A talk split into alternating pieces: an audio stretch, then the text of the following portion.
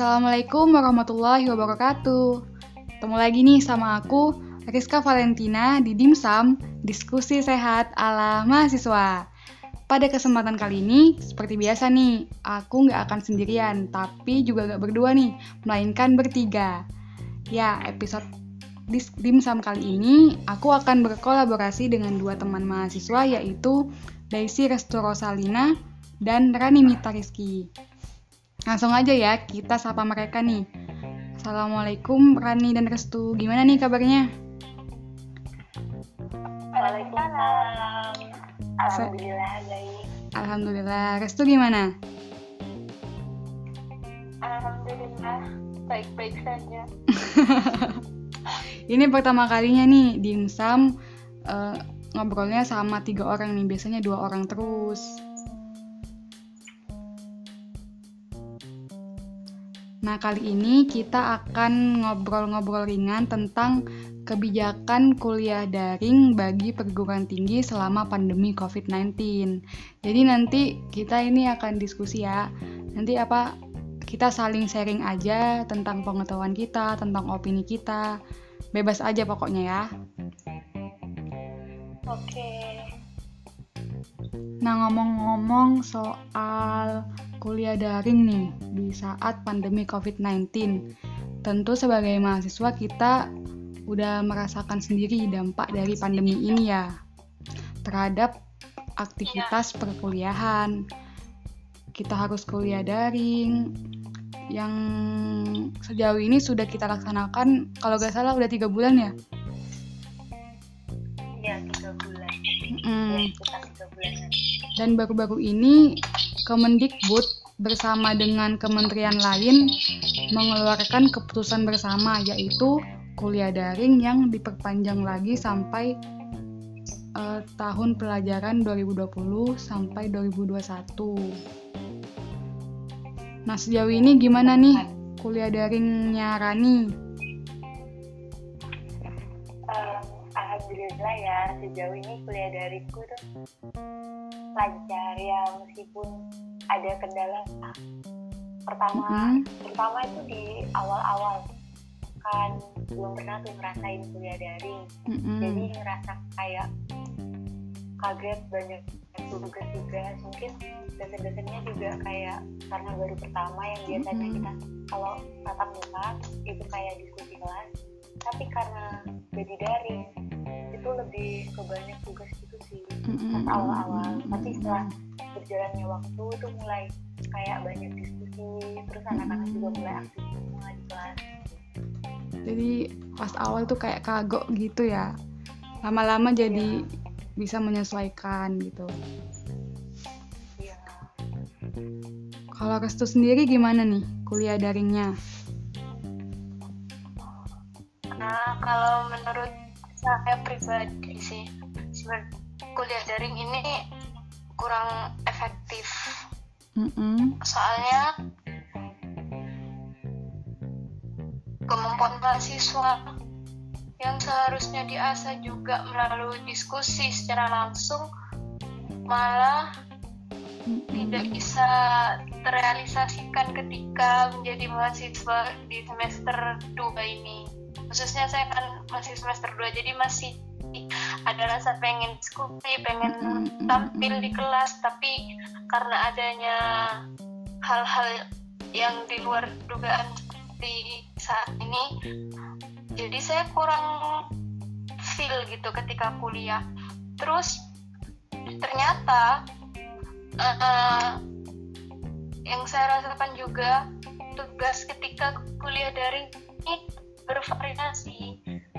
Nah sebenarnya di sini itu sisi baiknya menurut saya saya bisa lebih banyak belajar tentang IT gitu karena biasanya karena berhubungan dengan prodi saya seperti membuat hmm, buletin membuat majalah yang biasanya dalam bentuk cetak akhirnya sekarang saya buatnya dalam bentuk online sehingga harus kerap dan aplikasi seperti Facebook terus blog seperti itu hmm, jadi bisa mengasah kemampuan ya ibaratnya kayak uh, kita itu dipaksa untuk kreatif di tengah di tengah apa keterbatasan gitu ya Restu.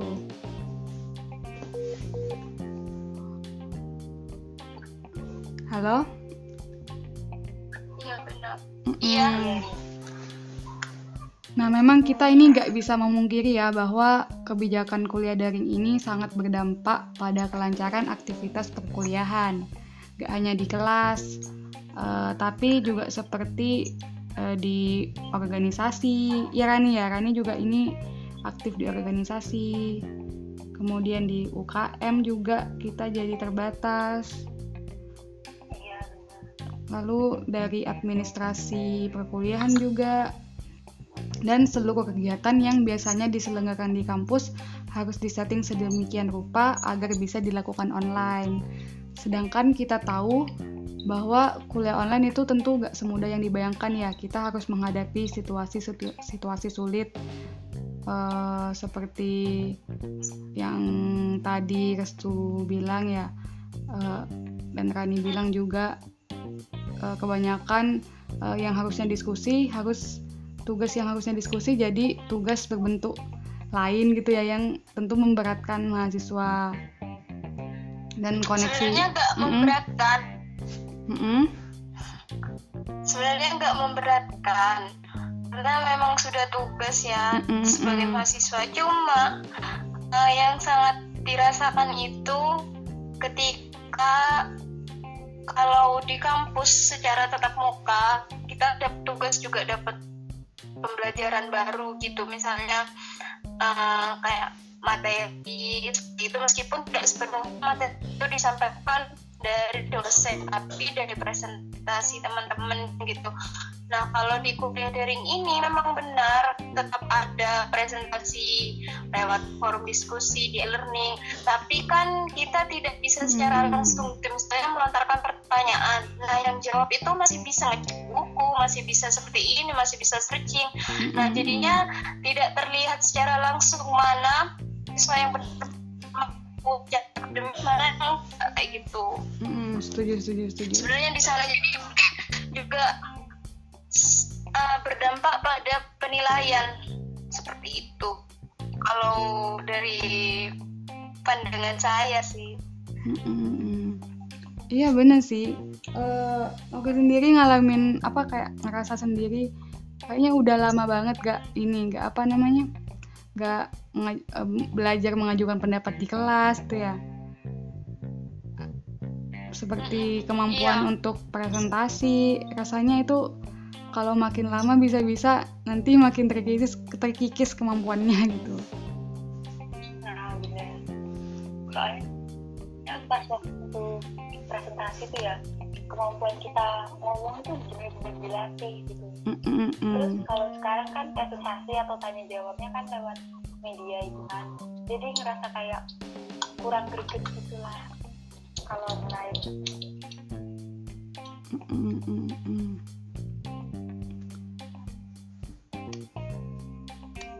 Uh, lalu nih setelah kemarin pemerintah memperpanjang masa kuliah daring, uh, jadi tuh aku tuh sempat bertanya-tanya ya, di latar belakangi dari ini juga apa berbagai kendala yang aku alami seperti yang kalian sebutin tadi juga aku juga ngalamin terus koneksi internet gak stabil, kehabisan kuota, bahkan kurang efektifnya proses penyerapan ilmu.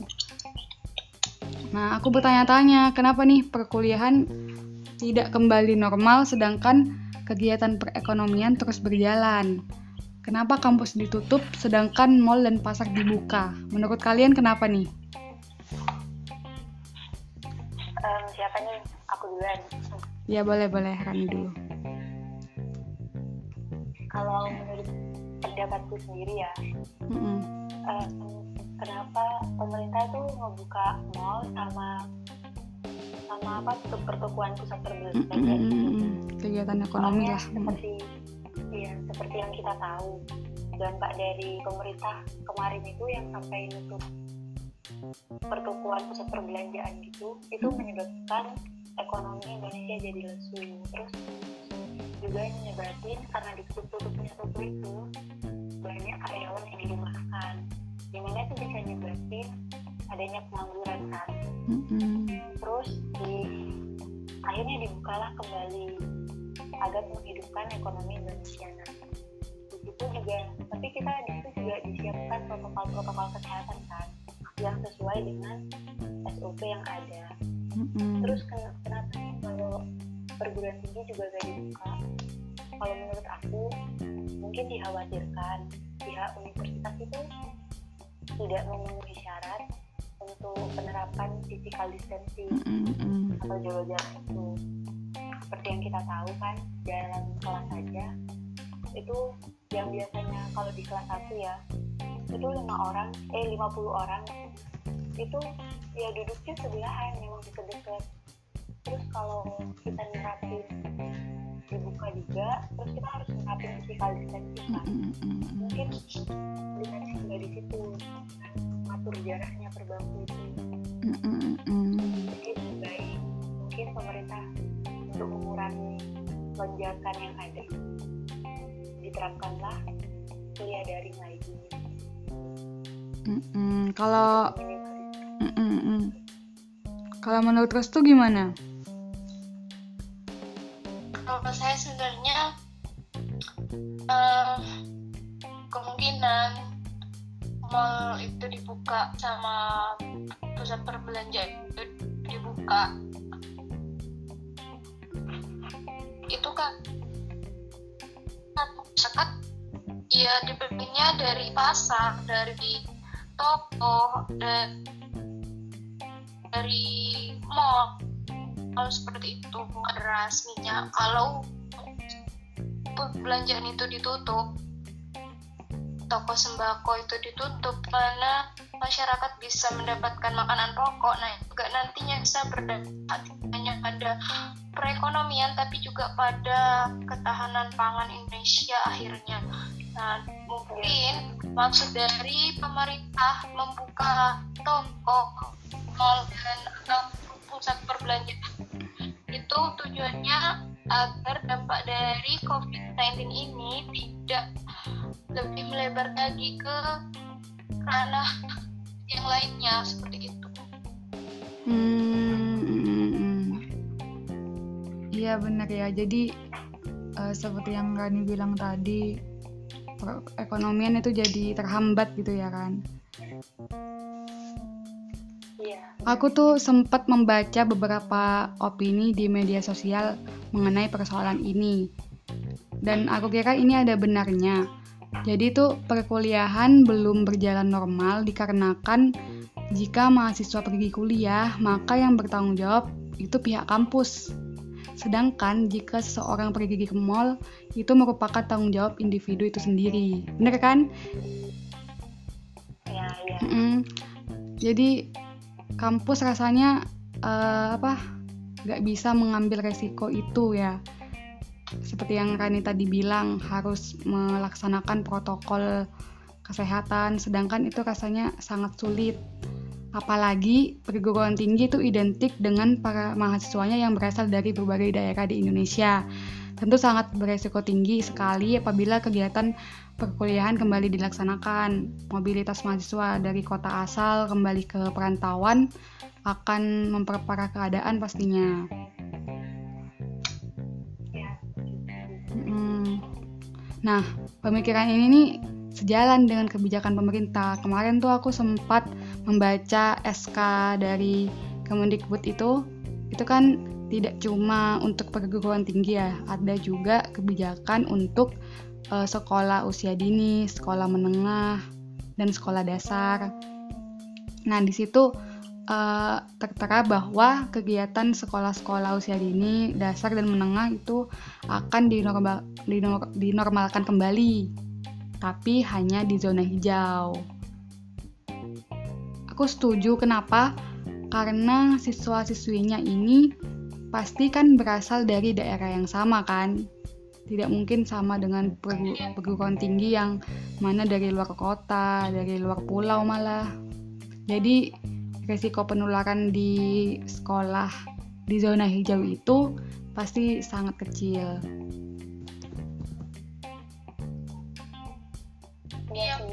mm -mm. aku juga setuju kalau yang bagian zona hijau itu berarti kalau untuk yang zona merah itu tapi kalau daring kan ya? Iya seperti itu. Untuk zona kuning merah ke atas itu masih daring. Aku bacanya seperti itu. Nah di situ juga gimana ya? Kan anak SD ke SD ke bawah lah.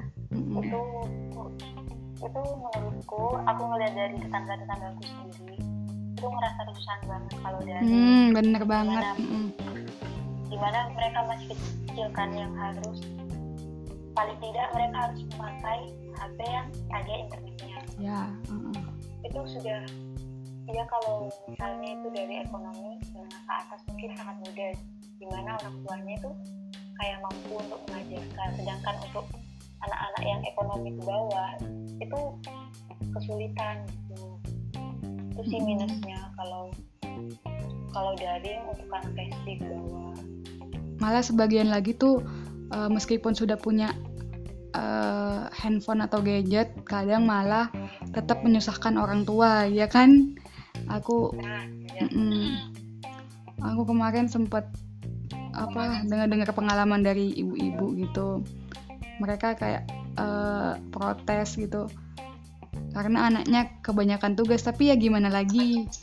Guru guru itu juga tidak punya pilihan lain selain memberikan tugas ya karena diskusi untuk anak seusia sekolah menengah rasanya apalagi sekolah dasar ya rasanya masih sulit dilakukan secara online gitu. Iya benar.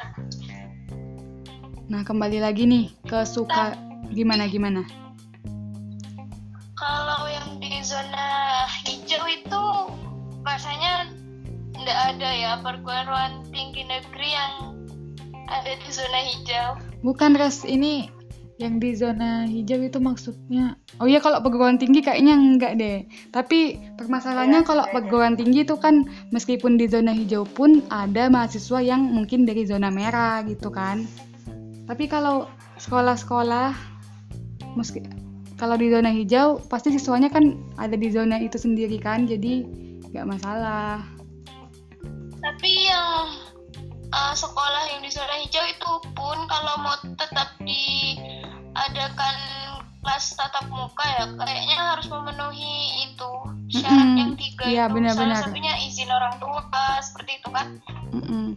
kemarin aku juga baca itunya apa surat keputusannya juga pemerintah itu juga menyantumkan gimana syarat-syaratnya uh, harus ada apa tempat cuci tangan lah. Pokoknya yang bersifat protokoler gitu. Iya benar sekali. Iya benar. Nah, kembali lagi nih ke suka duka pelaksanaan kuliah daring. Sebagai penutup lah ya, apa nih pesan-pesan dari Rani dan Restu, pesan dan kesan lah uh, atau ya pesan sebagai mahasiswa kepada mahasiswa lain yang mendengarkan mungkin apa yang baiknya kita petik, apa yang baiknya kita jadikan hikmah dari kuliah daring ini. Um, gimana ya? Saya sebagai mahasiswa untuk di kuliah daring ini kita semua tuh benar-benar dibutuhkan kreativitas kita, keaktifan kita. Jadi ada tips yang mungkin bisa digunakan untuk semester persiapan semester depan nih. Kayak yang pertama itu kita bisa bikin jadwal. Kita harus nyatet benar jadwal kuliah kita. Kalau hmm. perlu kita tuh harus setting alarm. Karena kalau hmm. kuliah offline kan kita ingat, pasti ingat kan untuk berangkat sedangkan karena kuliah online itu kita kadang cuma absen aja kan. Untuk absen itu kadang lupa. Mm -hmm, jadi jangan lupa untuk setting alarm. Tuh terus hmm, jangan anu disiplin untuk mengumpulkan tugas. Jadi kalau kita dapat tugas kita misal dikasih waktu jam 9 jam 9 jam 9 pagi itu sudah berkumpul ya usahakan kita jam 9 itu memang sudah tugas itu memang sudah kita upload gitu. hmm. karena kan ada dosen yang nggak mau menerima keterlambatan gitu ya, terus ya, yang penting itu menyimak materi yang disampaikan oleh dosen jadi ketika memang secara offline on, memang secara online misal ada dosen yang cuma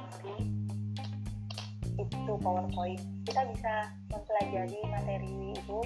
Kita juga dituntut untuk lebih aktif mencari materi kayak misalnya mungkin dari powerpoint itu kurang kayak kita kurang dapet nih ilmunya. Kita bisa cari-cari jurnal-jurnal yang lain. Terus yang jangan lupa untuk aktif di kelas misal ketika dosen membuka ruang diskusi kita bisa tuh memang setelah kita pelajari powerpointnya kita juga bisa tanyakan apa yang kita nggak paham. Jadi kita benar-benar ngedapetin benefitnya dari kuliah online. Jadi kayak nggak ngerasa beda sama kuliah offline gitu. Dan buat ruangan belajarmu senyaman mungkin. Entah itu di kamar di ruang tamu itu sih tips buat kuliah online kalau dari aku mm -mm. kalau dari Restu nih ada nggak tips-tips untuk para pendengar ini? Sebelum itu aku mau kasih kesan dan pesan ya. Oh iya. Iya iya iya iya boleh boleh boleh. Uh, kesan saat kuliah online ini sungguh sebenarnya ini bukan hal yang diinginkan. Tapi karena sudah terpaksa oleh keadaan ya tetap harus dijalani tapi sebenarnya ini jauh dari dari keinginan saya sendiri sebagai siswa dan saya yakin teman-teman mahasiswa pun juga tidak mengharapkan adanya kuliah seperti ini. Karena uh, rasanya didapat itu kurang meskipun ada sih uh, pengalaman baru terutama buat saya yang memang tidak terlalu gelut di bidang IT nah sekarang jadi lebih banyak tahu tentang aplikasi Flipbook di majalah online terus juga mulai uh, belajar ke ranah blog kayak gitu. Nah pesannya itu semoga saja pandemi ini cepat berakhir dan tidak ada lagi perpanjangan kuliah online. Amin. Kalau tips sebenarnya karena kita tidak tahu bagaimana sistem penilaian dosen saat pandemi ini hmm. jadi ya sebisa mungkin dimaksimalkan deadline dari dari presentinya kalau nanti presensinya itu biasanya ada yang bermasalah. Di sister uh, jangan dulu gampang. Ya sudah gak apa-apa gitu. Sebisa mungkin kalau saya kemarin itu memang pernah masalah sama presensi saya urus dulu. Soalnya kenapa? Meskipun ada jaminan nggak apa-apa gitu dari kampus. Nah sudah masuk ke angka aman presensi tapi saya tetap khawatir gitu. Takutnya hmm, presensi itu menjadi salah satu kriteria penilaian di masa pandemi seperti ini. Terus tips yang kedua itu um, untuk menjadikan kuliah online ini lebih efektif lagi cari hal-hal baru meskipun dari rumah saja. Misal belajar nulis di blog atau belajar membuat buletin atau membentuk komunitas intan literasi gitu nanti yang akhirnya muaranya itu kalau saya yang bersinggungan dengan prodi saya muaranya itu nanti di bidang literasi kalau saya pribadi sih mencoba hal-hal seperti itu selama di rumah.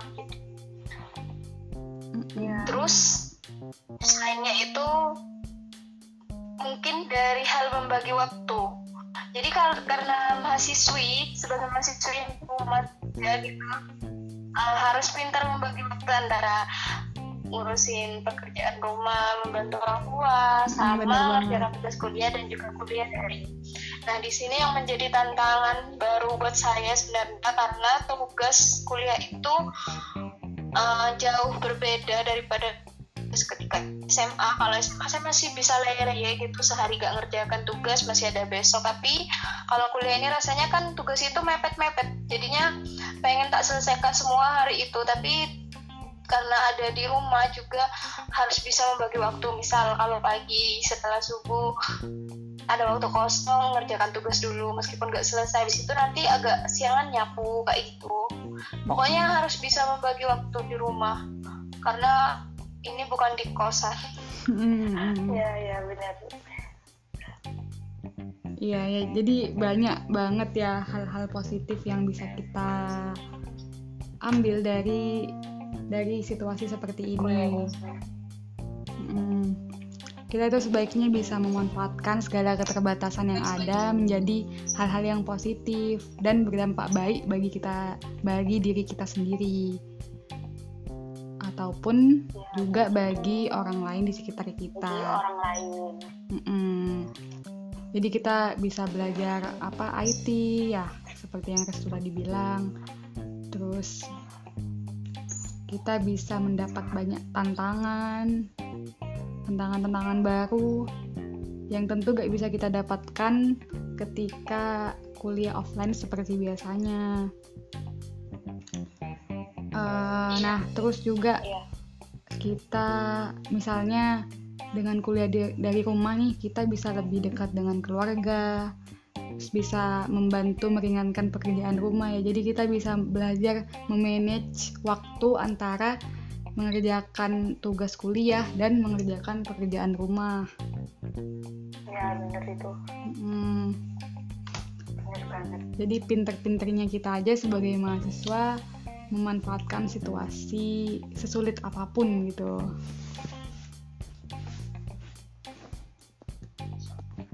Wah, gak kerasa nih, udah hampir 30 menit kita ngobrol-ngobrol. Mungkin ada lagi nih yang mau disampaikan sama Rani sama Restu?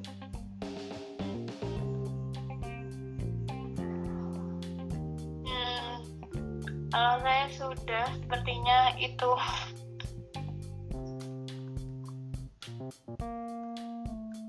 Oke, kalau Rani, apa ada yang mau disampaikan lagi?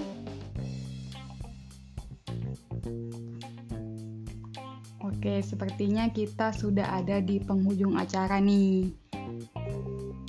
Eh, untuk untuk mengakhiri perjumpaan kita kali ini, eh, saya mengucapkan terima kasih banyak kepada Restu dan Rani sudah menyempatkan waktunya untuk berdiskusi di podcast ini. Semoga di lain waktu kita bisa bertemu lagi ya. Kita bisa diskusi lagi dengan topik-topik yang lain. Oke. Oke, teman-teman, sekarang eh, kami undur diri. Eh, terima kasih sudah mendengarkan. Wassalamualaikum warahmatullahi wabarakatuh. Waalaikumsalam warahmatullahi wabarakatuh.